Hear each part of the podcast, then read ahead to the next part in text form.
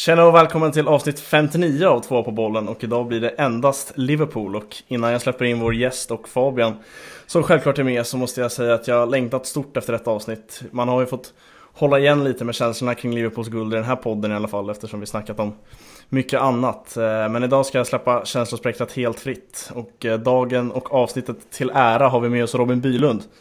Eh, Champions of England, hur är läget Robin? Ja, men det är fint.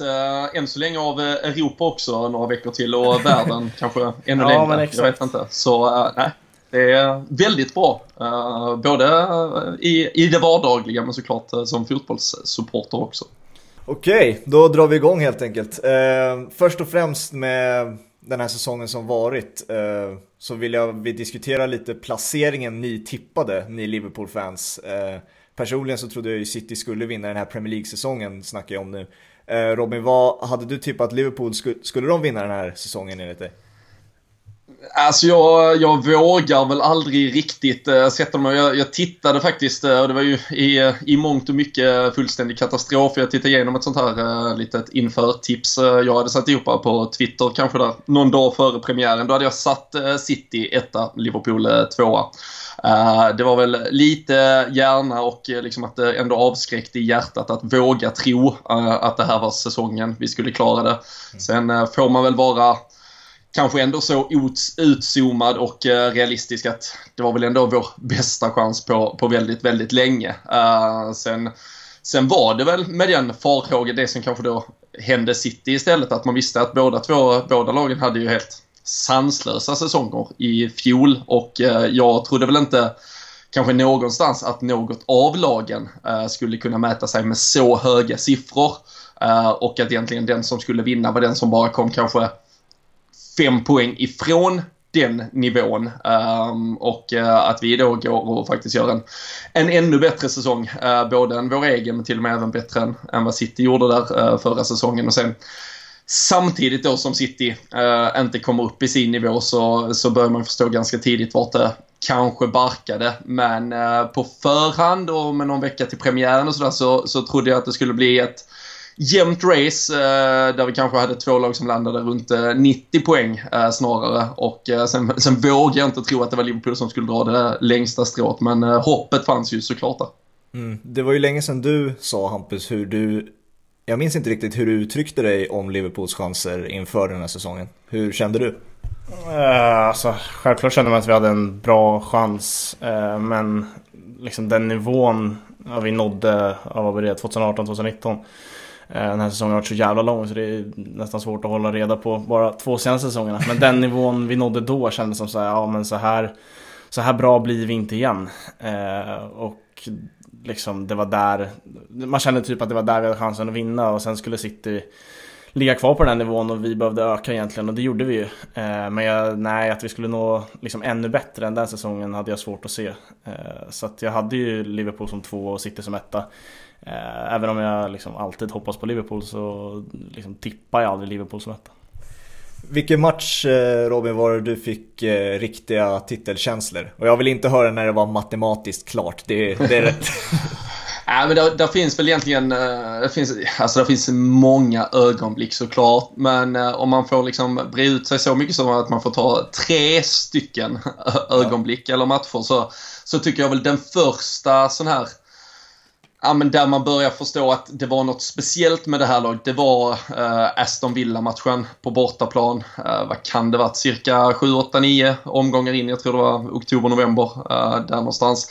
För då var det vi skulle möta City veckan efter um, inför och den helgen då, då vi ligger under mot Aston Villa och samtidigt spelar ju City och ligger under mot Southampton men de vänder ganska snabbt den matchen och vi ligger fortfarande under och då är det liksom, ja då är det bara tre poäng försprång för Liverpool till City. Vi skulle mötas helgen efter. Då hade de kunnat komma ikapp. Då hade det liksom varit ett race om det uh, därifrån och, och vidare.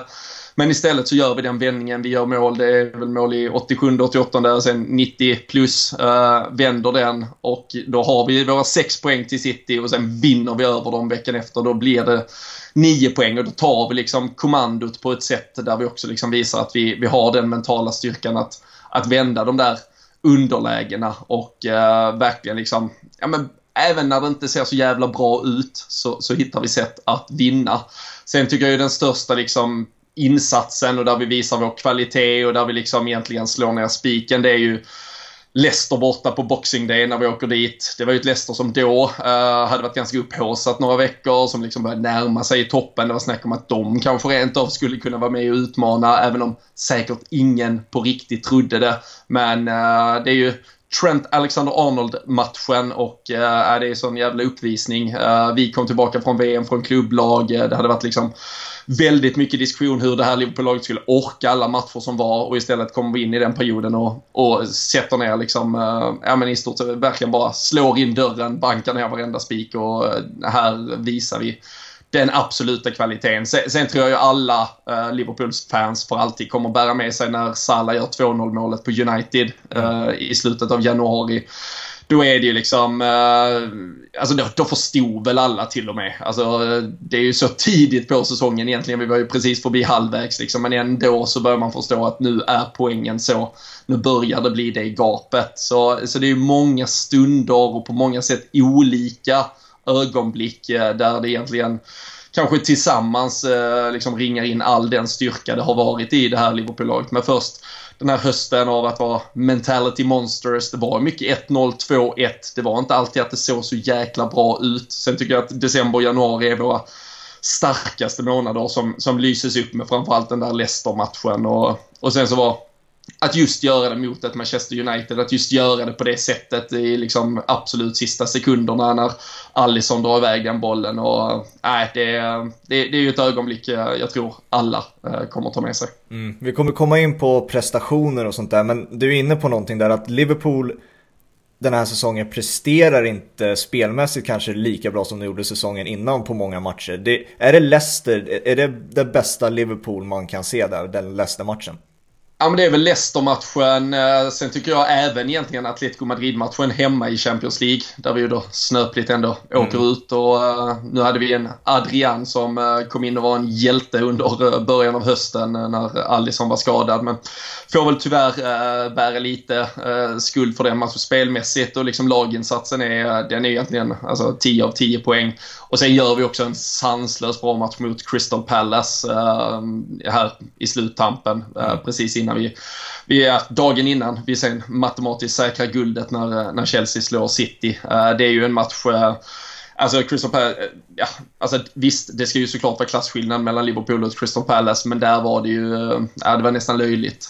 De hade ju inte en enda touch i straffområdet. Det var väl något form av rekord sen Opta började mäta statistik och men äh, Leicester Crystal Palace äh, är väl liksom egentligen men samtidigt Leicester blir ju så signifikant, alltså eftersom det var det här snacket om att det var ett topplag som ändå var på väg upp och kanske skulle utmana. Äh, de hade börjat ta sina segrar, Jamie Vardy var i stor form igen och allting och vi skulle kanske börja bli lite trötta, tyckte man efter alla de matcher vi hade spelat. Så det är väl den absolut bästa matchen egentligen. Vi tar oss till den där eh, matchen Chelsea-Manchester City då. Eh, jag vill höra era individuella upplevelser den kvällen. Båda eh, historier, de lär ju vara grymma. Men innan dess vill jag bara fråga. Hur ser ni på att vinna en titel men det är inte ni egentligen som vinner den utan det är ett annat lag som torskar den snarare? Hur, alltså finns, nu vet, det spelar ingen roll egentligen men hade det inte varit skönare att eh, ta titeln spelandes om du förstår vad jag menar? Alltså det, det, finns ju så många, det finns ju så många om och men och varför blev det inte som det borde ha blivit den här säsongen. Så, så det, det, det känns... Alltså, så här, det är klart att hade allt blivit som alla hade hoppats på, det vill säga att vi kanske hade avslutat uh, alltså med publik på arenorna och det hade varit Det är ju klart att få den matchen på Anfield, vinna det och, och spela hem det. Absolut, det hade varit det absolut mäktigaste. Här tycker jag, och jag, jag är faktiskt jag var nästan överraskad över att Liverpool, för jag var själv helt inställd på att alltså City löser ju det på något sätt mot Chelsea. De förlorar ju i alla fall inte mot Chelsea. Så att Liverpool, alltså med spelare och ledare, hade den i alla fall lilla tron på det, att de faktiskt samlades på det sättet som de gjorde. De satt ju verkligen hela gänget samlade och såg den här matchen tillsammans. Och då tycker jag ju egentligen att jag tror för spelarna att de fick nästan en ännu häftigare upplevelse eh, av det. Alltså de var ju, de var ju redan på festen så att säga när det väl blåses av. Um, annars är det ju ett par timmar uh, man ska igenom lite annat där det ändå hade varit en ganska märklig upplevelse antagligen med tanke på att det inte var några fans på plats. Så jag tror väl i den bästa av alla världar så tror jag det häftigaste såklart är att spela fram guldet genom att liksom göra det avgörande målet, vinna matchen inför sina fans och allting. Men i den situationen vi redan var i så ser jag inte det som att det hade varit en mycket häftigare upplevelse, varken som supporter eller för spelarna i sig, att det hade kommit kvällen innan mot Crystal Palace. Um, så speciellt inte för spelarna som, som sagt som hade den där ändå tron och närvaron till att samlas för att sitta och se det här tillsammans. Jag tycker dels att liksom hela publikfrågan gör ju att det någonstans känns bättre att bli mästare i kavaj. Med tanke på att eh, ja, man hade ändå inte fått vara på Anfield eh, liksom och få uppleva den den grejen. Eh, och sen också att de samlades. Men jag kommer ihåg att Fabian ställde den här frågan till mig där och då. Eh, och då kände man ju bara att jag vill bara ha, klar, liksom, ha det klart så tidigt som möjligt. Eh, man är Liverpool-supporter, har inte vunnit ligan under min livstid. Eh, och att då ha mage och försöka sitta och bestämma hur det ska gå till, det, det hade man inte riktigt. Så att det var... Jag kände bara att Chelsea får gärna vinna den här matchen. Jag trodde inte de skulle göra det, men eh, jag hade inga problem med att det löstes på det sättet. Kan ni dra era individuella historier eh, den kvällen då? Jag vill så gärna höra. Eh, Robin, hur var den kvällen för dig? Nej men det var, alltså jag, för det första, vi hade, vi hade samlats eh, kvällen innan. Eh, ganska många eh, inom de restriktioner och vad man nu fick lov att eh, göra så att säga för att se den där Crystal Palace-matchen. För det hade vi bokat sen innan. För hade vi bara slått Everton där en dryg eh, vecka, eller helgen innan, så hade det ju varit en, en guldmatch eh, där vi hade det i egna händer. Så vi vi hade ju trots allt planerat för att det kunde bli festlighet redan på onsdagen, så, men den körde vi på ändå. Uh, så i ärlighetens namn var jag väl ganska eh, sliten dagen efter och uh, tänkte ju egentligen bara att det fanns ingen möjlighet. I alla fall liksom fram till att det var fem minuter till match så var jag helt säker på att City tar ju minst en poäng. Det kommer inte hända nu. Jag tittar hela tiden på och sen skulle vi ju möta City eh, matchen efter och så börjar jag inte, då blir det ju inte kanske mot City för då ska vi slå dem och sen blir det Aston Villa. Alltså jag börjar hela tiden tänka att nu är det fan ganska långt kvar till det, det här guldet helt plötsligt igen. Um, så det var väl först när jag började liksom sätta mig och se matchen, när jag började se vad, liksom, vad som hände, hur målen kom. Och sen är det ju någonstans vid den där straffsituationen och eh, när man ser vid första läget när man själv ser att fan, Fernandinho, han tar ju den på handen. Och sen när man behöver, det här måste ju kollas, det är klart det kollas, det kommer att kollas, nu kommer det ju bli, det kommer att bli straff, det kommer att bli rött kort. Uh, och då, då börjar ju liksom, då började poletterna trilla ner. Eh, men jag hade inte, jag hade ingen som helst tanke på det. Jag hade jag har några vänner som började skriva liksom under dagen så här liksom, ja, vad, vad händer om det blir, alltså men det händer ju inte, det händer ju verkligen inte. Eh, och sen i början av matchen så vet jag Fotbollskanalen skrev, ja men om nu Chelsea vinner kan vi, kan vi höra av oss efter, men det gör de inte, alltså ni behöver inte prata på det sättet, det händer inte. Uh, och sen liksom när det var fem minuter kvar man behövde, nu, nu händer det ju. Uh, så uh, jag ska väl inte, det, det tog en stund för mig att och, och verkligen förstå. Men uh, sen var det, uh, och jag tror jag behövde det i alla fall. Jag tror man är väldigt olika som, som supporter där. Men just den kvällen var jag väldigt glad. Det var liksom en ganska lugn kväll för mig själv och få liksom samla tankar kring, uh, ja, men kring allt. Alltså alla, allt man har gjort med det här laget, allt man har varit med om. Man liksom berg och dalbana i både positiv och negativ bemärkelse och, och känslor som man liksom behövde bara smälta och bearbeta och kunde sitta uppe uh, fram till väldigt sent på natten och liksom bara ta in det. Um, och sen har vi haft möjlighet att, att fira och festa i, i efterhand och, och sådär och det, det har man verkligen gjort med, med det stora nöjet. Men den kvällen var en kväll att bara få, få suga in det, se allt det här. Det kom ju så mycket eh, bra man ville bara njuta av direkt med intervjuer med Klopp och Trent, van Dijk, Henderson med flera. Liksom. Så det var Nej, det var... Det, det är ju ett så jävla älskvärt lag det här, så att få bara se dem uh, fira det, det, det var... Det kändes som att man delade lite med dem, även om det såklart var på ett väldigt speciellt och annorlunda sätt. Ja, alltså jag, jag förstod egentligen rätt sent att så här, fan, aha, City ska möta Chelsea för att alla Liverpool-supportrar hade snackat om eh, att det var mot City det skulle hända liksom. Efter krysset där mot Everton, att ah, okay, men då blir det mot City. Eh, om vi inte löser det så är det väl Aston Villa eller vad det var efter det. Men, och sen kom den där matchen, den startade, Chelsea tar väl ledningen. Eh, och då började det liksom explodera på Twitter att fan vi kan ju bli mästare eh, redan ikväll. Eh, så att det var ändå svårt att ta in på något sätt för att det skulle inte ske. Eh, och när De Bruyne viker in den frisparken på det sättet han gör eh, känner man att ah, ja, men då då kommer City tillbaka och sen hela den straffsituationen som du är inne på är ju otrolig. Eh, där det ska vara mål, det är stolpe, det är, ja, det är fullständig kalabalik. Jag såg här i dagarna kom ut klipp från när ja, alla grabbar hade samlats och att Alisson bara gick därifrån att det här, det här orkar jag inte titta ja, men det är, på. Liksom. Alltså, men det är ju när, alltså, när det går upp för henne, det klippet är ju fantastiskt. Det finns ju ett längre om man, eh, ja, om man nu är lagd som oss eh, åt Liverpool-hållet så finns det ju väldigt mycket content på ja. officiella hemsidor. Och, och när Henderson skriker liksom där att det är liksom review, alltså de måste ju kolla det. Det är ju det är, det är handboll, det är, det är utvisning, det är alltså man man ser ju att där och då så, så är det nog, det är nog hans stund när han förstår vad som händer. Och jag, jag kände exakt likadant. Att nu, nu, nu händer det nog fan. Ja men sen alltså när, när det väl var klart så var det Alltså jag var ändå väldigt lugn och sansad och det funkar så att jag gärna skriver av mina känslor så att jag gick in på anteckningar och, anteckningar och eh, skrev en längre text om ja, mina känslor kring ja, Liverpool och den titeln och sen la jag väl ut det på mina personliga sociala medier och folk skrev liksom Vad fan är det som har hänt? Det, det, var väl en ganska känslo, känslosam text liksom så var, och det svaret de fick var att liksom Liverpool Liverpool har vunnit ligan och det är det enda som betyder någonting. Eh, så att, nej, det var en lugn och ändå ganska lång natt för det blev liksom Twitter i flera timmar där man tog del av all content och man gick in på YouTube och kollade gamla klipp och sådär. Så att eh, lugn men ändå lång natt. Ja, eh, från att ta alltså, ligatiteln då till att ta individer då. Eh, vem är vem är bäst i det här laget? Alltså bäst i det här laget är ju Virgil van Dijk. Uh, det är väl ingen större diskussion kring det. Uh, fotbollsmässig kvalitet denna säsongen tycker jag väl kanske är Sadio Mané. Eh, tillsammans med Trent egentligen, uh, som också har en spetskvalitet som, som vi inte ser, eller kanske någonsin har sett på den positionen han spelar.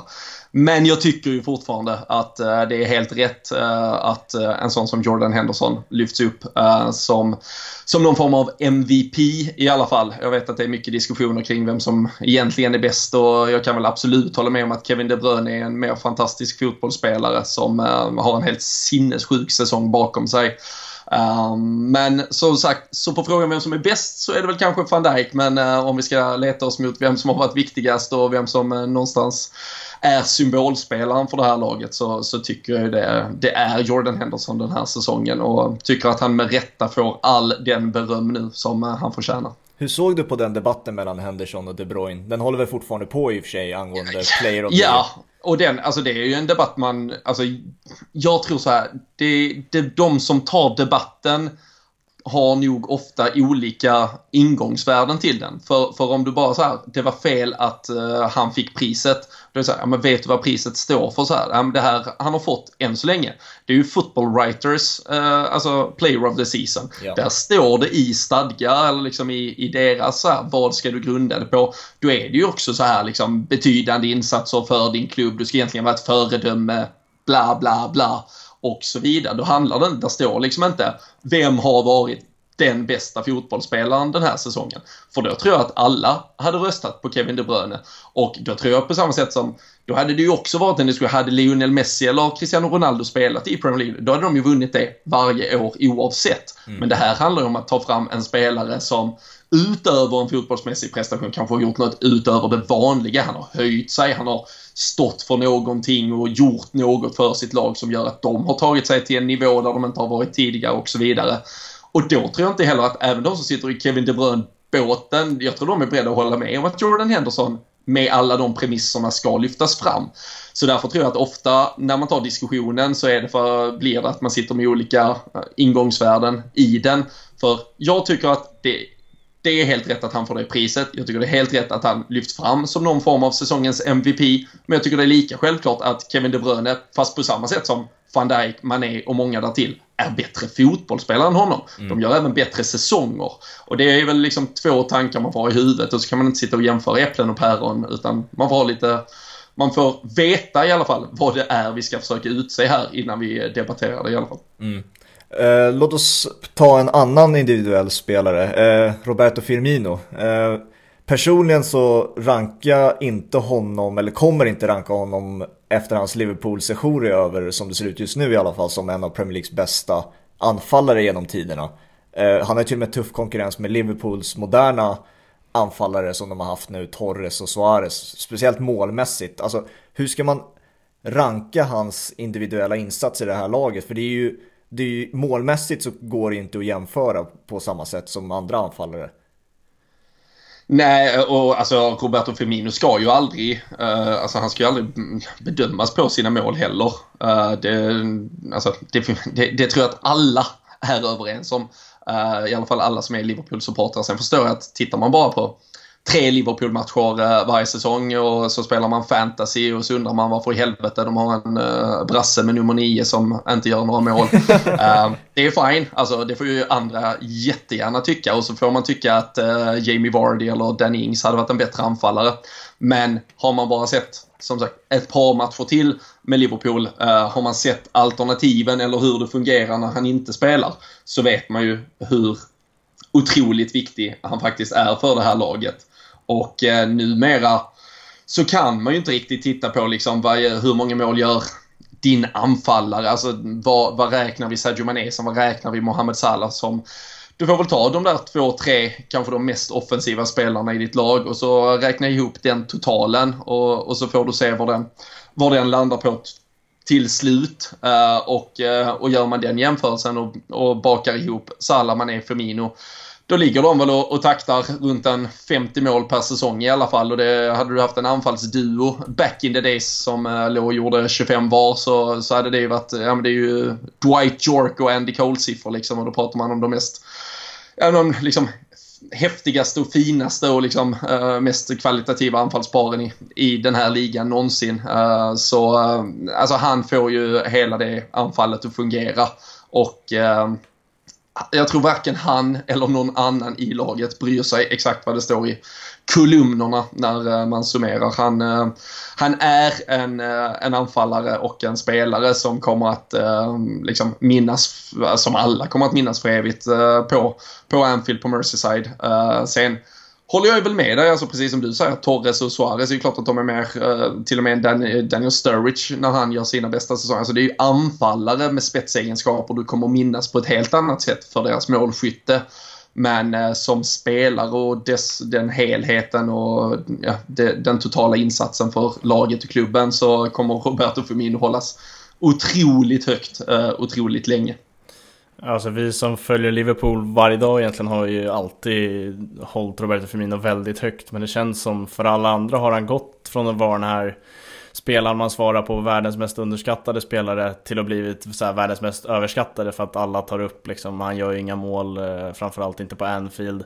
Eller vad det nu är. Eh, men ja, det är ju inte hans roll riktigt. Jag kommer ihåg det var någon inför matchen eh, eh artikel som du skrev eh, förra säsongen och liksom att Roberto Firmino ska liksom stoppa varenda uppspel från motståndarna och det är väldigt mycket det han gör. Han får hela laget att fungera. Eh, jag vet att om Sergio Busquets säger man ju att Tittar man på matchen ser man inte Sergio Busquets men tittar man på Sergio Busquets så ser man matchen och jag skulle vilja sätta Roberto Firmino under samma sägning för att han, eh, han är så väldigt mycket mer än bara mål. Eh, sen får gärna motståndarsupportrar snacka om hans målfacit på Twitter för att det är inte riktigt därför Roberto Firmino spelar i Liverpool. Han liksom står för så mycket annat så att Absolut, han hade, han hade kunnat göra mer mål. Eh, men jag tycker fortfarande att man ska ranka hans individuella insats väldigt högt med tanke på att han står för väldigt mycket det här Liverpool som vägrar att förlora. En annan nia då som gör mycket mål men som, och som var på väg till Liverpool men det blev inte så, det rann ut i sanden. Eh, Timo Werner eh, gick till Chelsea istället. Först och främst, hur var din reaktion när Werner gick till eh, Chelsea Robin? Eh, nej men jag, alltså jag tror väl som alla andra att eh, alltså jag, jag hade ganska stor tro på att han eh, kanske faktiskt skulle komma till Liverpool. Eh, jag tror också att eh, han var väldigt sugen eh, på att komma till Liverpool. sen så tror jag väl att tyvärr att han i slutändan förstod att han inte skulle komma till Liverpool och vara det givna valet. Uh, och uh, han eh, är ju på väg, eller ska ju liksom vara i sin prime och, och, spela sin absoluta bästa fotboll de närmsta åren. Och då måste Liverpool göra en avvägning. Kan vi för det första betala de här pengarna, den här lönen han eventuellt vill ha för en spelare som vi inte kan vara säkra på ska in i, i vår startelva? Kan han vara beredd att ta ett kontrakt med en klubb där han inte riktigt vet vilken position han kommer att sättas i, hur mycket speltid han faktiskt kommer att få. Och eh, när då alternativet kommer från Chelsea så kan jag väl liksom helt objektivt förstå honom. Att eh, han hellre väljer det. Han kommer ju vara deras superstjärna. Eh, nummer ett, eh, har han eh, tur så får han väl dessutom bra uppbackning av en Kai Havertz kanske. Det ser ut som att Chelsea kan ha ett superlag på gång också och eh, har han blivit lovad dels att eh, det, byggs ett eh, projekt igen i Chelsea och med de förutsättningarna, med de pengarna och att, att bli den stjärnan där, vilket han inte hade blivit i Liverpool, så, så kan jag väl förstå alla parter att det i slutändan blev som det blev. Men det är klart att det hade varit en superlyx att få in honom. Jag tror fortfarande att vi hade kunnat rulla ganska bra på de tre vi redan har plus Timo Werner om man hade fått sina matcher och många hade fått speltid. Det är många av dem som kan spela på, på flera olika positioner där framme. Vi hade också kunnat spela en 4-2-3-1. Man hade kunnat få Firmino att droppa ner lite och så vidare. Så det, det hade säkert löst sig, men jag förstår att Timo Werner kanske inte var helt övertygad om hur, hur stor roll han skulle få i det här Liverpool-laget. Och eh, det kan väl ha varit en av anledningarna till att han till slut hellre äh, valde ett alternativ där äh, han äh, kände sig helt säker på att bli liksom, deras spjutspets. Mm. Jag tänkte vi kunde diskutera potentiella värvningar och faktiskt vi har ju redan en värvning som blev klar i dagarna. den grekiska vänsterbacken och får vi se om jag klarar det här uttalet nu. Kostas Simic Semikas. Ja, det, det tror jag att grekerna hade varit stolta över. Härligt. Från Olympiakos, en vänsterback eh, som, ja, han ska väl vara reserv till Andy Robertson. Hur, hur ser man på resten av sommaren och potentiella värvningar och från Liverpool-håll? Alltså hur realistiskt är det att tänka att det kommer två, tre till? Ja, men jag tror väl att...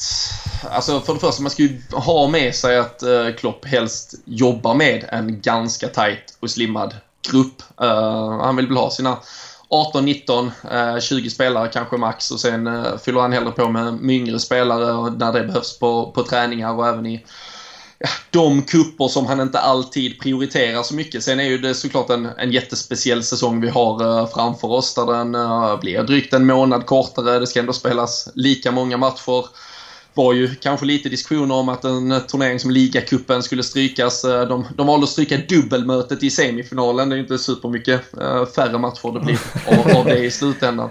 Så, och där får man väl anta att det också kommer att vara en viss... Liverpool sattes ju i en sån situation redan förra säsongen där man verkligen fick spela sitt andra lag eh, rent av verkligen ordagrant eh, och jag tror väl att många lag kanske kommer att välja bort några turneringar. Men eh, Liverpool har ju liksom idag den truppen på 18-19 spelare de, de vill ha. Den tror jag de är supernöjda med som den är. Sen vet vi att det är en eh, Shakiri som länge nu har varit utanför den, den truppen. Där är en Marko Grujic eh, som kommer tillbaka från lån. Där är en Harry Wilson som kommer tillbaka från lån. En Rian Brewster som kommer tillbaka från lån. Som alla är spelare som också kanske måste göra något av sina karriärer nu. Och där har ju Liverpool pratat med i alla fall. Uh, kanske inte Rian Brewster, där kan väl ett lån eventuellt vara aktuellt igen. Men att uh, det är antingen så är de tillräckligt bra för att vi ska behålla dem och då tror jag att vi har vår trupp i stort sett. Eh, eller så kommer man titta på alternativ och sälja dem. Och kommer de pengarna in, då tror jag att man kommer återinvestera de pengarna. Men vi vet att Liverpool idag ska vara en, en självförsörjande förening och det är det sportsliga och det fotbollsmässiga som ska få sig självt att snurra runt så att säga. Så, så det ska säkert hända någonting uh, innan det i så fall kommer in någonting. Uh, även om det inte var liksom en like for like ersättare så sålde vi trots allt Dejan Lovren först innan vi tog in ett Simikas för ungefär samma pengar och eh, FSG vill ju gärna balansera böckerna och det är ju svårt att klaga på vad de har lyckats med än så länge så det är just kanske inte dags att stå på barrikaderna. Sen eh, är det klart att alla vi som är supportrar och i slutändan inte behöver ta det absoluta ekonomiska ansvaret eh, gärna sitter och hoppas på både en och två spelare och en sån som Thiago eh, som det har pratats mycket om hade ju varit på alla sätt en, en drömvärvning. Men det ska nog vara ett par liksom, parametrar som ska prickas in för att det ska bli verklighet. För att börja med en utläggning kring Liverpools sommar rent transfermässigt så måste man ju säga att det är sjukt att det krävs en coronapandemi för att de ska stryka dubbelmötet i ligacupen i semifinalen. för det är, ja, det är så hjärn, hjärndött eh, med tanke på det schemat som finns. Men jag tycker att eh, Liverpool har nått liksom, alltså det truppbygget är så fruktansvärt bra just nu. Man har nått en nivå där man är ganska det är väldigt få supportrar som borde sitta i eh, klubbledningsrum och sportchefsrum och sådär. Men jag tycker ändå supportrar har väldigt bra koll på sina lag och jag tror att det är en liksom backup till vänsterbacken som många skulle säga att det behövs och det är precis det Liverpool plockar in. Så att det, man har liksom nått en nivå där man gör väldigt mycket rätt känns det som. Eh, vet ingenting egentligen om Kostat Semikas eh, kvalitet men med tanke på att Liverpool har värvat honom så litar jag ju fullt ut och det, det förtroendet har de ju byggt upp eh, under många transferfönster. Eh, så att jag tycker att det behövs egentligen inte så mycket. Eh, som du säger, det kommer in lite in, liksom utlånade spelare. Eh, Harry Wilson är en sån spelare jag gärna hade sett som en eh, backup till eh, ja, Salah och Mané och de tre där framme. Eh, och kanske skicka Shakiri, eh, få in lite mer speltid på en egen produkt. Eh, så att det finns, det finns mycket mer vad man kanske tänker sig med de här utlånade spelarna. Och sen har man nått en nivå där det inte behövs göra så mycket så man slipper de här panikvärvningarna. Om man tittar på förbättringsmöjligheter på startelvan, är det Thiago som är nyckeln då till att elvan blir bättre? Ja men det, alltså för det första är det ju egentligen omöjligt att säga. Alltså, vi, vi har tagit 97 poäng för förra säsongen. Vi tog 99 poäng förra säsongen. Jag tror så här, även om vi skulle plocka in Thiago så kommer vi inte ta fler poäng nästa säsong. Så då kan vi argumentera, har Liverpool blivit bättre? Kan vi bli bättre? Nej, men vi får kanske ett annat alternativ att spela fotboll på ibland när det kan behövas. Eh, men det är ju därför jag också tycker att hela den här debatten blir ett sånt ja, men alltså, lyxdebatt som äh, egentligen blir jävligt märklig och svår att ha. Jag förstår också, vi ska inte bara luta oss tillbaka, vara fat and happy. Det kan vara livsfarligt att äh, inte förändra någonting och plötsligt så är alla 10% sämre och så tar vi bara 80 poäng nästa säsong. Så det är klart att vi hela tiden ska leta äh, förbättringsmöjligheter och då tror jag väl att, som ni säger, att Thiago är en sån, för det är väl faktiskt den dimensionen på ett mitt... Jag, jag kan inte säga någonting. Vi, vi har värde, en av, en av topp tre uh, världens bästa målvakter i alla fall. Vår backlinje tycker jag är bland de absolut bästa i världen. Vår fronttrio är bland de absolut bästa i världen. Fabinho i sin roll, helt magnifik. Jordan Henderson är den kaptenen vi behöver de här åren som, som väntar längre fram. Och då är det ett komplement där. Gini Wijnaldum har vi som ett alternativ. Vi har en Naby Keita som ett alternativ. Återigen, att kunna få in ytterligare en spelare där, ja det är ju superlyx det mm. också. Men, men jag kan ju absolut köpa att fotbollsspelaren Thiago skulle kunna komma in och bidra med något som vi inte riktigt har där idag. Uh, och, uh, och skulle man då uh, i liksom någon form av drömvärld, och vi har ju sett Michael Edwards trolla med ekonomin för uh, sälja en Marko Grujic för kanske 20-25 miljoner pund och få in, sälja en Shakiri, sälja några till som är så kallad lite överblivet eh, eller dross players eh, så, så finns det ju antagligen möjlighet att plocka in en sån som Thiago och göra i stort sett en ekonomisk vinst i slutändan. Och det, det är ju ett sånt jävla, ja men, alltså också bevis och kvitto på hur välskött Liverpool är. Sen tror jag, och det är ju det som kanske de flesta supportrarna stör sig på, det är ju att Liverpool är väldigt tydliga med att man gör en värdering av en spelare och möts inte den värderingen, då kommer vi ju inte att heller gå över lik eller liksom eh, pusha på i eh, checkhäftet för att lösa dealen utan eh, vill inte Bayern sälja för de pengarna Liverpool är beredda att betala så kommer vi inte liksom dubbla priset bara för att. För så bred är numera vår scoutingverksamhet och så många alternativ har vi. Så uh, funkar inte det första då kommer vi gå på något annat. Och uh, där, där kan jag väl förstå, det, jag tror mycket frustration ligger där för supportrarna när de har blivit så insnöade på en spelare. märkte man bara som nu med vänsterbacken, började alla tänka att det var Jamal Lewis från Norwich. Så tyckte man, åh ung, spännande, han ska vi ha, betala vad fan som helst. Men Liverpool vill inte göra det. De gör inte det. Och då visar de också till Norwich att okej, okay, vill ni inte ta det här budet, då går vi till nästa. Och det kan man ju som supporter ibland tycka är frustrerande, men jag tycker bara det är ett bevis på hur jävla välskött och välmående klubben egentligen är. Mm. Thiago ryktas ju utöver Liverpool till PSG också. Han, det, Bayern har gjort det klart med att han ska bort den här sommaren. Eh, så att om han skulle gå till PSG, nu poppar det bara upp en idé här i huvudet. För jag läste bara innan vi drog igång här att eh, Juventus vill ju få bort Aaron Ramsey nu. Alltså jag tänker att det är inte samma nivå på spelare, men det, är väl, det känns som en Liverpool-mittfältare, en Klopp-mittfältare. En, en spelare som springer ofantligt mycket och en som eh, även är målfarlig. Lite, påminner kanske lite om Wijnaldum. Skulle det vara ett alternativ? Jag, jag, jag såg också eh, Juventus-konton som eh, konstaterade att eh, Ramses dagar nog var eh, räknade nu när eh, Pirlo kliver in där. Men eh, men jag tycker inte alltså, Absolut, jag köper att han hade eh, passat in. Men eh, som sagt, vi har Wijnaldum, vi har Keita, Milner kommer göra en säsong till. Vi har Oxlade fortfarande.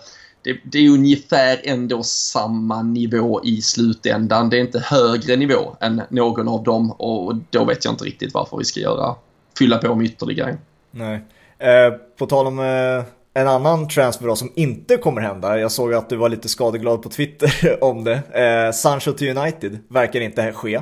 Eh, han, eh, han förlängde med Dortmund istället. Eh, hur, vad, vad tyckte du om United-situationen och Sancho när det väl poppade upp? Det var ju igår när vi spelade in där.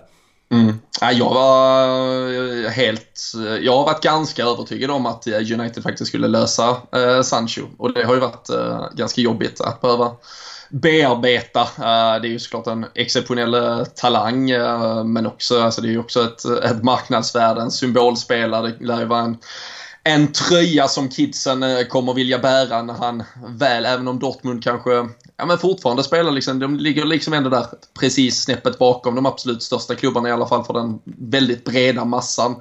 När, när Sancho väl går till det där namnstarka laget så, så kommer det ju vara liksom en, en av de absolut största profilerna vi har där ute. Så uh, jag, jag trodde väl att uh, United faktiskt uh, skulle få till det den här gången. men det är skönt att det är Ed Woodward som fortfarande rattar skutan där. För mycket sämre sportcheferi eh, kan det ju inte bli. Eh, och eh, sen är det såklart jävligt kul att Dortmund har gjort det här liksom lite sådär i, i skymundan och att Sork bara presenterade på en, en presskonferens i lugn och ro och bara stänger dörren. Liksom, journalister har vallfärdat för att liksom, nu kanske det blir något snaskigt på gång här och så är det, nej det, det var kul och eh, om eh, Sancho satt på eh, tyskarnas eh, träningsläger och, och såg United eh, kämpa med att brotta ner FCK igår så kanske han ändå var nöjd med beslutet att stanna ett år eller två till i alla fall. Ja men det är just den aspekten jag liksom, ja, njuter av som mest. Att det känns som att Manchester United som ja, för 10-12 år sedan var liksom på toppen av världen blir liksom grundlurade av eh, Borussia Dortmund 2020 helt plötsligt. Eh, för så känns det De hade sin deadline, kommer inte överens om en avgift och sen ja, bam, Sancho ett år, ett år till på sitt kontrakt. Eh, så att eh, man njuter ju av att känna att United har blivit lurade. Vi lämnar eh, transferfönstret och eh, går över till eh, han som kanske alltså, behöver mest beröm i det här bygget och det är väl Jörgen Kloppen då. Är han världens bästa tränare Robin? Det är han väl. Har du tagit ett lag som var högst mediokert i Premier League, var utanför de europeiska kupperna och på fem år gjort dem till ligamästare, Champions League-mästare, världsmästare och eh, däremellan hunnit eh, komma tvåa både i, både i liga och Champions League så är det väl eh, svårt att eh, argumentera eh, kring något annat. Um, Pep Guardiola eh, ska nämnas och där finns absolut några där till men uh, sättet han gör det på. Um, alltså återigen, nu får vi väl se var, var Citys uh, totala spenderarsumma landar på igen men det är liksom, de närmar sig miljarden i, i god takt innan uh, de ens har hunnit spela klart föregående säsong och uh, Jürgen Klopp gör i stort sett denna denna resan på, på ett eh, ja, men nollsummespel vad gäller eh, nettobetalningar och, och bygger ett lag och har fått ihop det så djävulskt bra. Och eh, nej, det är Även om jag är part i målet så tror jag att eh, en majoritet där ute numera eh, röstar fram eh, Klopp till eh, världens bästa tränare. Och att han dessutom då är en eh, helt eh, förjävla underbar person eh, gör ju inte saken sämre. Nej, han känns ju som Mr Liverpool numera. Alltså det känns ju som att han är lite untouchable på det sättet och att det, Alltså kommer han stanna i Liverpool och bli en ny Wenger och Ferguson? För det känns ju som att potentialen finns där i alla fall att han stannar mellan 10 och 20 år. Ja, alltså jag, där, om man säger problemet där, jag vet inte om det, men jag, jag tror väl inte att han kanske personligen har det har det i sig. Alltså jag var ju lyrisk här i vintras när han eh, faktiskt förlängde med två år fram till 2024 för jag har nog hela tiden trott att det kanske var det där kontraktet till 2022 tränade på sitt förra kontrakt, att det var där han skulle lämna och sluta. Eh, så om han bara löper den här linan ut och, och stannar i fyra år till som, som tränare eh, för Liverpool så, så kommer jag vara mer än nöjd. För jag tror väl kanske att han ändå är en människa som vill ha mer i livet kanske. Uh, alla som uh, har uh, bara läst en, en rad om Arsene Wenger vet ju att han både andas och sover och dricker fotboll i stort sett. Liksom han, han har inget annat i, i sitt liv. Men jag tror väl att Jürgen Klopp kanske faktiskt vill leva ett liv där det är okej okay att sitta kvar på en strand halva natten och dricka öl eller göra något annat och, och vara lite normal vid något tillfälle i sitt liv. Uh, sen har väl jag, uh, jag, jag höjer gärna rösten för att han kan ta ett uh, eller två års lite semester och sen komma tillbaka. Men jag tror väl att han kommer göra de här åren och sen med stor glädje lämna över stafettpinnen till någon annan. Och det kan ju mycket väl vara till en Pep Linders till exempel som redan finns i organisationen som jag tycker kliver fram mer och mer och mer. Men eh, sen som du sa, alltså Mr Liverpool, Kenny Dalglish eh, sa ju det själv. Eh, han om någon vet vad som krävs för att vara en Mr Liverpool. Han sa att Klopp känns... Eh, jag kan inte tro att han är tysk, jag måste kolla passet. Jag tror fan han är från Liverpool. alltså för det, det, han, han är liksom staden, han, han vet. Och, och han, alltså det är klart att du alltid kan lägga på din fasad och du kan spela dina kort smart och du vet klart det finns saker du kan säga för att bygga ditt varumärke kring den personen du vill vara. Men eh, det blir ju liksom det blir så uppenbart, alltså det är ju genuina åsikter han har om allt ifrån eh, politik till eh, integrationer, alltså vad det än är så, så andas han ju samma eh, luft som eh, ja, det normala folket i Liverpool så att säga och eh, det, det gör ju honom än mer populär. Men jag tror tyvärr inte att det är liksom 10-15 år till han stannar som tränare. Men jag tror väldigt mycket tyder på att han kanske efter karriären kommer att ja, men stanna kvar eller ha någon form av koppling till Liverpool. För jag tror att även hans kärlek är liksom, att den är besvarad så att säga från honom till staden. Så eh, det är nog bara början på en eh, lång kärlekssaga ändå. Eh, jag tyckte det kändes så symboliskt när det var bara liksom tio dagar emellan att Klopp förlängde till 2024 och sen skickade Glasgow Rangers ut att eh, Gerard förlänger till 2024. Eh, det kändes liksom att okej, okay, då, då har vi en plan redan nu att Gerard ska ta över. Och jag följer en, en del Glasgow Rangers och liksom det hade varit för tidigt för honom att ta det nu men jag tycker att han tar tydliga kliv hela tiden som tränare, Steven Gerard och det hade ju varit fint om han får ta över. Samtidigt så ska han liksom hålla den kvaliteten som Liverpool nu har kommit upp i. Eh, för att ja, vi behöver inte tappa det igen som det blev runt eh, 2005-2006 där det gick ner i en djup svacka. Eh, men jag, jag vill tro att Steven Gerrard eh, dels vill ta över Liverpool men också att han kommer ha den kvaliteten framåt 2024. Eh, så att även fast det är väldigt långt dit så ser jag väl Pep Linders och eh, Stevie som eh, huvudkandidater jag tror inte mm. att... Det känns ju inte som Klopp kommer stanna, det har han inte gjort i någon annan klubb. Även om han känns speciell för Liverpool och Liverpool känns speciellt för honom så skulle det vara naturligt om han lämnar över stafettpinnen där och då. Så du tror inte Robin att Klopp har ambitioner utöver Bundesliga och Premier League? Han ryktades till exempel till Real Madrid innan han han blev klar för Liverpool till exempel? Nej, jag tror eh, alltså med, eh, med all, eh, allt kan verkligen hända i fotbollsvärlden och, och han har liksom, jag tror ingen skulle missunna honom den chansen ifall det nu skulle vara en dröm för honom att, att träna till exempel Real Madrid så hade han kunnat lämna Liverpool den dagen han vill göra det och så ska han såklart få, få prova det äventyret också. Men jag tror helt ärligt inte han har det i sig just nu. Eh, den kärleken han har i, i Tyskland eller i Dortmund och, men på, på många sätt och vis har blivit så, så likeable uh, däromkring den kärleken han känner i Liverpool. Jag tror väl om han har ett tränaruppdrag till i, i sig så, så är det ju eventuellt uh, efter då ett, ett EM 2024 att ta över ta över Tyskland inför ett VM 2026 eh, och göra den resan. Eh, men eh, utöver det, och sen kanske komma tillbaka och avsluta i Tyskland ifall han vill göra det något år också. Ta Mainz igen eller något annat. Jag tror inte att han, jag tror inte han har i alla fall liksom någon dröm om att hinna med ett storlag till i något annat land utan jag tror att hans drömmar med, med råge har gått i uppfyllelse redan. Ja det känns inte heller som Klopp Alltså Klopp behöver nog mer än bara ett bra fotbollslag med bra potential. Han behöver en stad och en passion från fansen som är något annat All respekt till Real Madrid men Liksom Klopp och de här vita halsdukarna som kommer upp när det står 1-1 här mot Levante det, det, funkar inte, det är bara att kolla när han tog över Liverpool. Körde ju liksom vågen framför The Cop när Origi slungade in 1-1 här mot West Bromwich.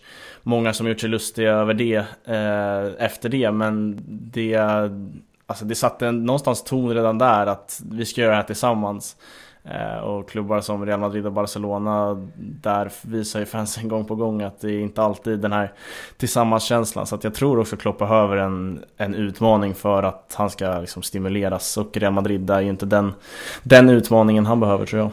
Hur eh, stor risk finns det att det är en mättnadskänslan i, hos några individer i truppen?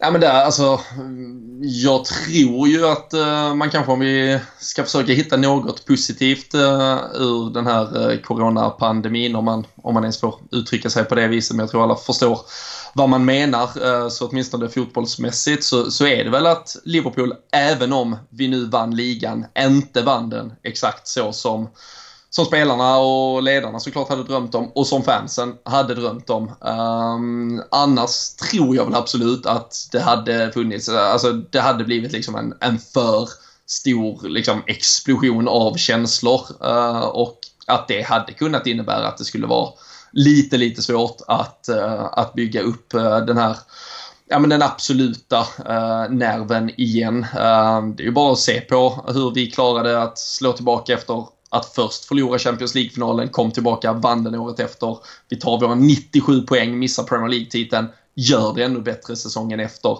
Och eh, i ett normalfall nu så, så hade det väl egentligen varit på sin plats nästan att ha, inte en mellansäsong, men att liksom ha en liten, liten dipp där man ja, men där någon form av nöjdhet ändå kanske uh, fylls. Men den den drömmen jag tror att alla spelare och ledare och, och, fans i takt med att vi börjar släppas på på arenorna igen har om att få, få göra det här fast på exakt det sättet som vi vill.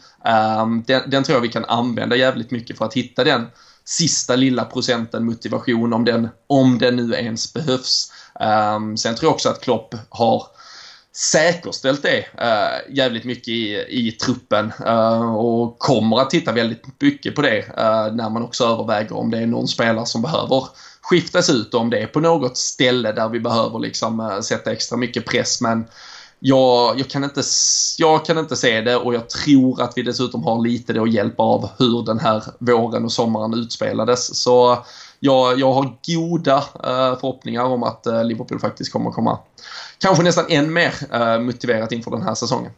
Ja, jag är lite inne på samma spår som dig Robin. Eh, och sen dessutom att jag tror inte Klopp kommer tillåta liksom något, någon mättnadskänsla. Eh, jag tycker han har visat upp den utvecklingen som tränare. Eh, det kunde man väl se eh, under hans sista säsong i Bundesliga med Dortmund där de höll typ på att åka ur ett tag. Eh, men han har utvecklats enormt som coach sedan dess och jag tror inte att han kommer tillåta någon mättnadskänsla eh, att infinna sig. Eh, och sen liksom just det här med festen och att den festen kommer när det är ett läge. Och det kanske kan dröja till slutet på nästa säsong. Att det är kanske då det första läget kommer att få fira och att då få fira sin andra titel hade ju, eller bör vara något som driver spelarna. Det tror jag att det kommer göra också. En annan sak som kommer vara ny till nästa säsong det är ju sponsorerna då. Nike är det numera. Eh, vad tycker ni om de eh, nya tröjorna? Jag är lite, ja, lite tvek på om turkos, eh, turkos krage är rätt för Liverpool. För, de, för mig är ju Liverpool helrött men vad tycker du Robin? Alltså vi, för det första så, så måste man ju förstå att uh, den där färgen är uh, väldigt förknippad med, med Liverpool på, på väldigt många sätt och vis. Uh, både vad gäller klubben och staden. det är ju väldigt många, jag kan väl absolut köpa om man kanske inte är supporter till Liverpool, att man undrar var den kommer ifrån. Jag tyckte det var lite nästan jobbigt att se att väldigt många Liverpool-fans förfara, liksom förfärades över varför den här jävla färgen var, var med. Det är ju faktiskt bara att googla vårt riktiga emblem så att säga. Ja, nu väl... jobbar vi ju ofta bara med fågeln men uh, i loggan så, så har vi ju exakt den där färgen och vi har även de här stora liverbirdsen som sitter på Liverpool Building uh, nere, i, nere i vattnet och på många ställen i stan generellt så, så går ju den här ja, men lite blågrön metallaktiga eh, färgen liksom igenom på, på väldigt mycket av ja, stadens arkitektur på, på flera sätt och vis. Så det, det är ju en färg som, sen kan man tycka vad man vill om exakta nyansen, har de lyckats plocka upp den, men, men meningen med den finns ju verkligen i alla fall. Sen kan man tycka vad man vill om den är svinsnygg eller inte. Men att där är en tanke bakom eh, ska man nog vara ganska klar över att det är i alla fall. Och jag tycker liksom, tröjan, ah, 6 av 10 kanske sådär i betyg. Sen ser man Virgil van Dijk i den och så blir den 9 av 10 och sen växer den lite mer och mer för varje gång. Och jag, äh, jag tycker jag, det väl, ser väl lite äh, mörkare ut vad gäller andra och tredje tröjor kanske som verkar vara på gång här nu men äh, jag, ty jag tycker det är rätt schysst. Och sen måste man ju liksom bara acceptera att med Nike så, så kommer det här bli en jättedeal i slutändan. Så äh, det är också ett, ett på många sätt jävligt klokt och, och vettigt steg att, att ta. Ja, Liverpool har ju också en historia av hemskt fula bortaställ och tredjeställ när vi hade Warrior och liksom övertagandet av New Balance. De satt, satt ju inte där riktigt från början. Eh, jag tycker de, det blev bättre och bättre med åren men bortaställen och tredjeställen är, har ju för vana av att vara riktigt fula. Eh, sen är jag liksom också inne på det där med den gröna färgen eller vad man ska kalla den. Eh, att så här, har, ni sett, har ni sett vårt märke liksom? Att det var, det var så många ändå som förbryllades över vart den kom ifrån. Eh, tyckte också var märkligt. Men sen, ja den tröjan har växt på mig också. Den, det blir något helt annat när den kommer på en spelare. Eh, liksom, dels generellt men också som supporter när den kommer på, på um, Virgil van Dijk och alla andra spelare så blir den snyggare tycker jag. Eh, så att den har, den har växt på mig, jag tycker ja, den är snygg liksom. Sen har jag väldigt svårt att liksom ranka tröjor. Eh, det, det är ganska oväsentligt. Jag vill ändå vara tydlig med att jag, jag är fullt medveten om hur Liverpools eh, klubbemblem ser ut. Så att jag vet var den där turkosa färgen kommer ifrån. Men jag tyckte fan det inte var snyggt. Så jag, jag är nere på en 4 av 10 eller något sånt där. Alltså. Eh. Kommer väl någon sån här superbilaga från Aftonbladet sen när de har någon modeexpert som ska ranka dem. Så får vi se. Det är ju alltid, känns som den viktigaste rankingen inför säsongen. Exakt. Uh, Hampus, du har en lite en ett segment här med Liverpool Awards, så du får ta över helt enkelt. Ja, men vi har kört lite awards nu. Vi har ju haft eh, tema under de senaste veckorna med ligaavslutningar. Idag blir det väl Liverpool-avslutning, så då kör vi lite Liverpool Awards, eh, lite andra kategorier. Vi har inga nominerade egentligen, så vi nämner bara kategorierna sen kommer vi överens om vad, ja, vilka vi tycker stämmer in på kategorin. Eh, så att första kategorin är säsongens spelare och den behöver inte vara så svår. Eh, jag nämner Jordan Henderson och sen får du ta över Robin. men jag tycker eh, som, som den utläggning jag hade i, i ämnet tidigare så, eh, så håller jag helt med. Eh, jag tycker han är symbolspelaren för det här laget. Det är ju ett lag utan som sagt, det var ingen anfallare som stack iväg på sina 35 eh, mål den här säsongen eller, eller något annat i, i den stilen. Eh, och det var inte så att van Dijk och Alisson bommade igen varenda match utan det här var ett Liverpool-lag som, som hittade väldigt många olika sätt uh, att vinna matcher och Jordan Henderson var symbolen uh, för det. Så här, eh, säsongens spelare eller säsongens bästa spelare? Ja, men i Liverpool så tycker jag också man kan kalla honom den bästa spelaren. Han fyllde upp eh, där det behövdes. När det behövdes eh, ett par mål så stod han för dem. När eh, Fabinho gick i sönder och vi behövde rotera om vårt mittfält så gjorde vi det. Många har ju säkert glömt att Fabinho kanske var hela höstens bästa spelare fram till han gick i sönder. Då pratar man om liksom hur, hur viktig han hade varit och alla fasar väl Jordan Henderson i den där defensiva rollen. Det var ju där han bara för två, tre år sedan kände som att hans karriär höll på att dö fullständigt. Men eh, var han än, eh, vad han än behövde göra så gjorde han det med sån jävla bravur den här säsongen. Um, sen tycker jag i så fall det är Sadio Mané som bubblar uh, därefter. Van Dijk har man så höga krav på numera så om han bara var 99% så bra som tidigare så, så nu är han inte helt upp för, för det men alltså, det är klart han är svinbra. Ja, Jordan Henderson kommer ju få, få den här i podden men vad, vad har du för motbud Fabian? Alltså jag, är ju, jag fattar ju Hendersons alltså, innebörd i det här Liverpool-laget och det är väl, vi har ju sagt tidigare i podden att han är ju MVP of the season. Alltså han är ju Liverpools MVP den här säsongen. Men jag kan inte ge eh, Henderson en bästa spelare för att jag tycker inte han är den bästa fotbollsspelaren. Så därför måste jag ge det till någon annan och då är det mellan de här som vi har nämnt. Då är det Trent, det är Mané och det är eh, Van Dijk. Men om jag ska, måste välja då är det ändå Mané för jag tyckte han vann många matcher där, speciellt i början av på säsongen. Så han hade ju något, någon sinnessjukt form där på hösten. Eh, alltså innan vi kom in i den här vinterperioden. Jag minns, han gjorde otroligt mycket mål. Så han, eh, han måste jag nämna som säsongens bästa spelare. Ja. Jordan Henderson, säsongens spelare helt enkelt. Eh, säsongens unsung hero, de som inte är införstådda med det uttrycket, eh, vilket är på engelska, är liksom ja, en spelare som kanske inte får de största rubrikerna men som ändå har betytt eh, väldigt mycket. Eh, Robin, kör du?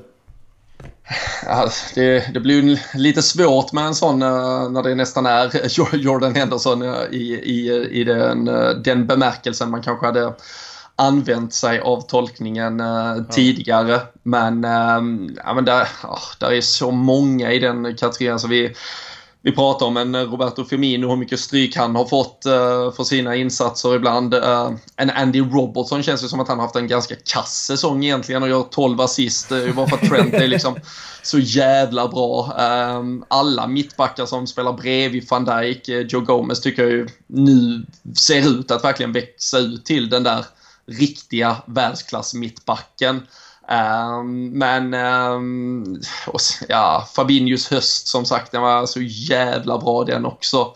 Um, så finns det ju inte heller någon sån här Divock Origi som kom in och gjorde de, de avgörande målen. Så uh, det är ju, jag vet inte, um, du, får, du får fylla på så får vi väl eh, landa i slutändan i, i något namn. Ja, jag väljer ändå att lyfta fram eh, Adrian trots den liksom snöpliga insatsen mot Atletico Madrid i Champions League så kom han in i en jävligt tuff eh, liksom period. Alisson gick sönder första matchen.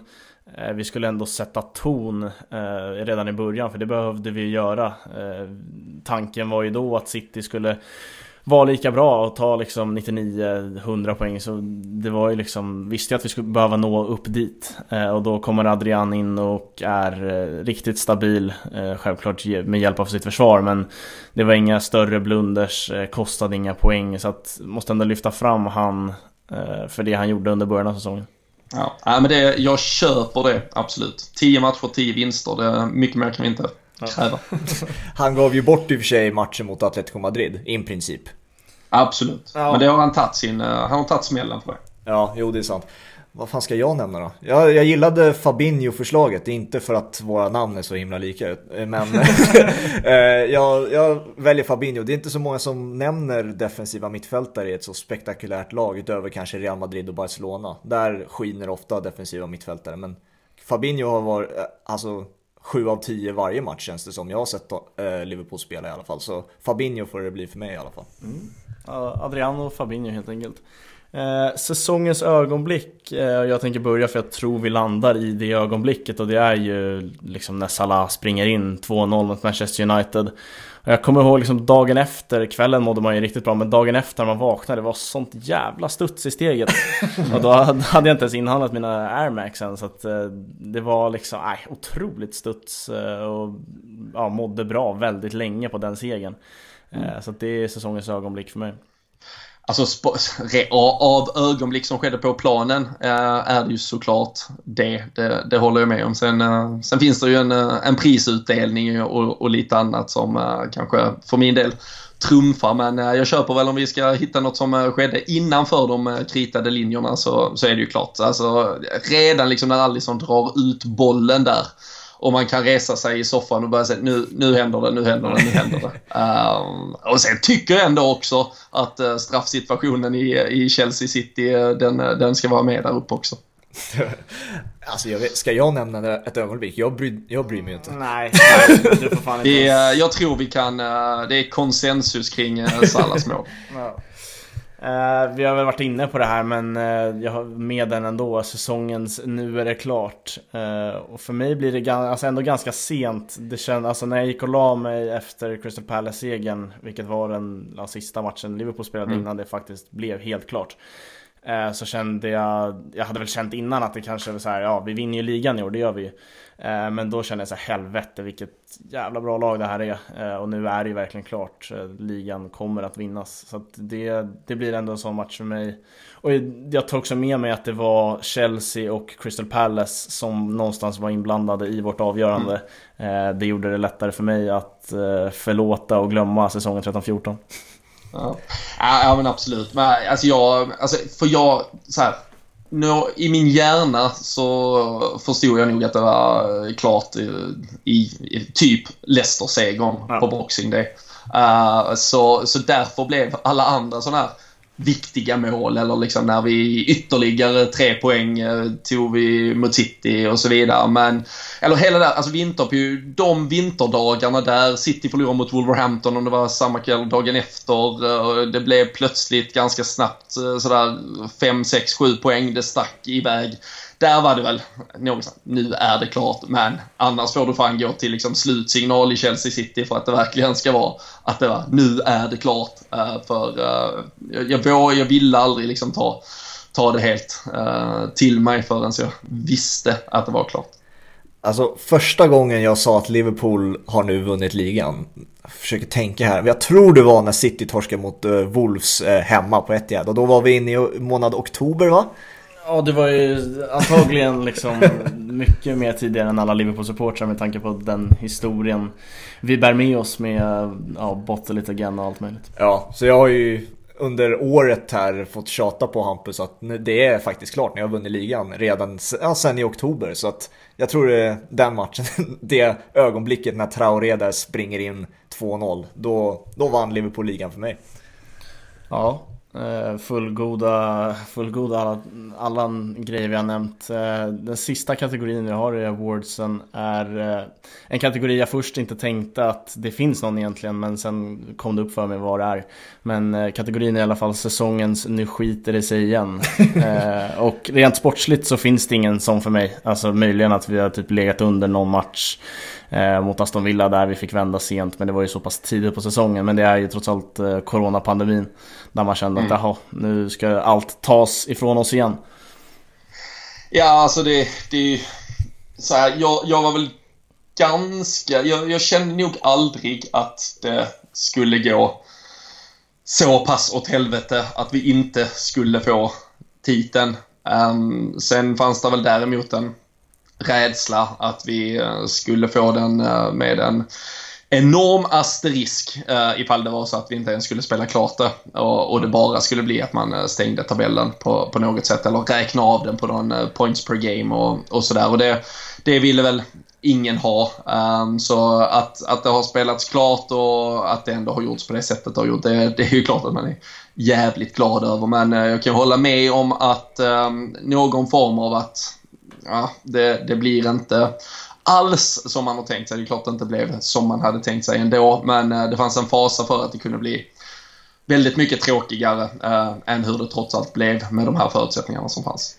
Alltså, det är ju inte ett nu skiter det sig eh, moment här som jag har i mitt huvud, men Watford-matchen måste ju vara en low point för er Liverpool-fans. Ja, alltså det är ju klart det är. Alltså det är ju klart att alltså bara att förlora på det sättet var ju, det är ju uselt och det var ju verkligen en usel insats.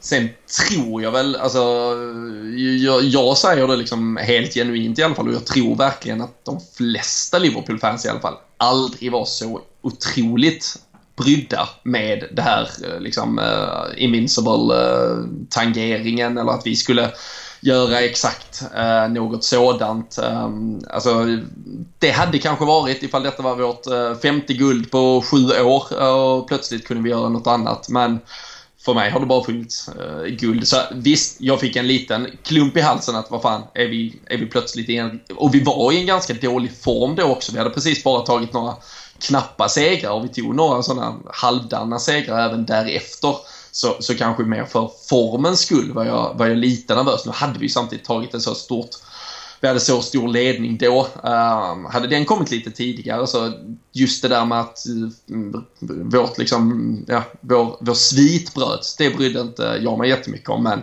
att det var en så otroligt jävla dålig insats kan jag väl absolut hålla med om att man lite uh, kände någon minimal rädsla kring. Ja men det är väl precis det jag slås av också om det hade varit Alltså hade Liverpool varit ett vinnande lag på senare år eh, Så hade det väl varit något annat med just hela den Invincible grejen eh, Men nu var det ju eh, Nu var det ju bara guldet som skulle hem eh, för första gången på 30 år eller vad det var. Eh, så att Eh, ja, så var det. Sen noterade jag också att det är skönt att det tog cirkus en timme eh, till att vi nämnde ordet asterisk. Det är hela 2020s mest löjliga ord. Men eh, vi kan väl runda av där helt enkelt. Ja då. Eh, Robin, berätta för alla som lyssnar var vi kan hitta dig någonstans på sociala medier och så. Eh, men eh, det gör man väl eh, bäst på, på Twitter i så fall. Ska man väl helst vara Liverpool-supporter, annars kommer man bara störa sig på mig. Robin Bylund LFC i så fall och sen så gör jag och mina kära vänner LFC-podden ifall man vill lyssna på oss lite mer också. LFC-podden rekommenderar jag starkt. Eh, oss hittar ni på Instagram och Twitter. Eh, två bollen på Twitter och Instagram två på bollen. Finns även på Facebook för de som fortfarande använder det.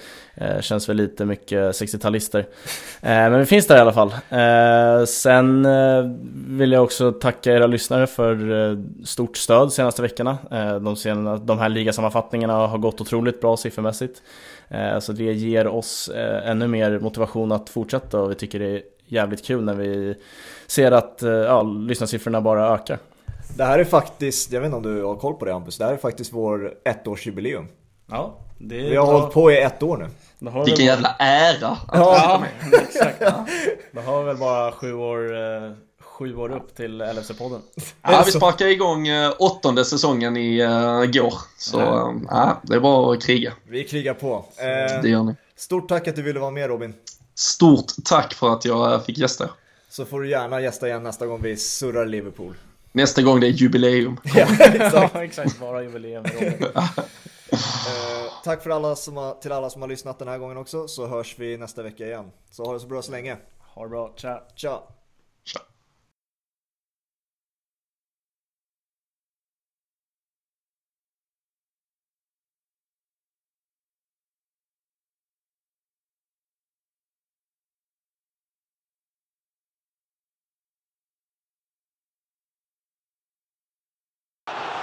Here's Salah. He's got a run on goal. He's still going. And Salah for Liverpool! Have a little bit of that! Mohamed Salah wraps it up, and the roof comes off the famous old stadium once again.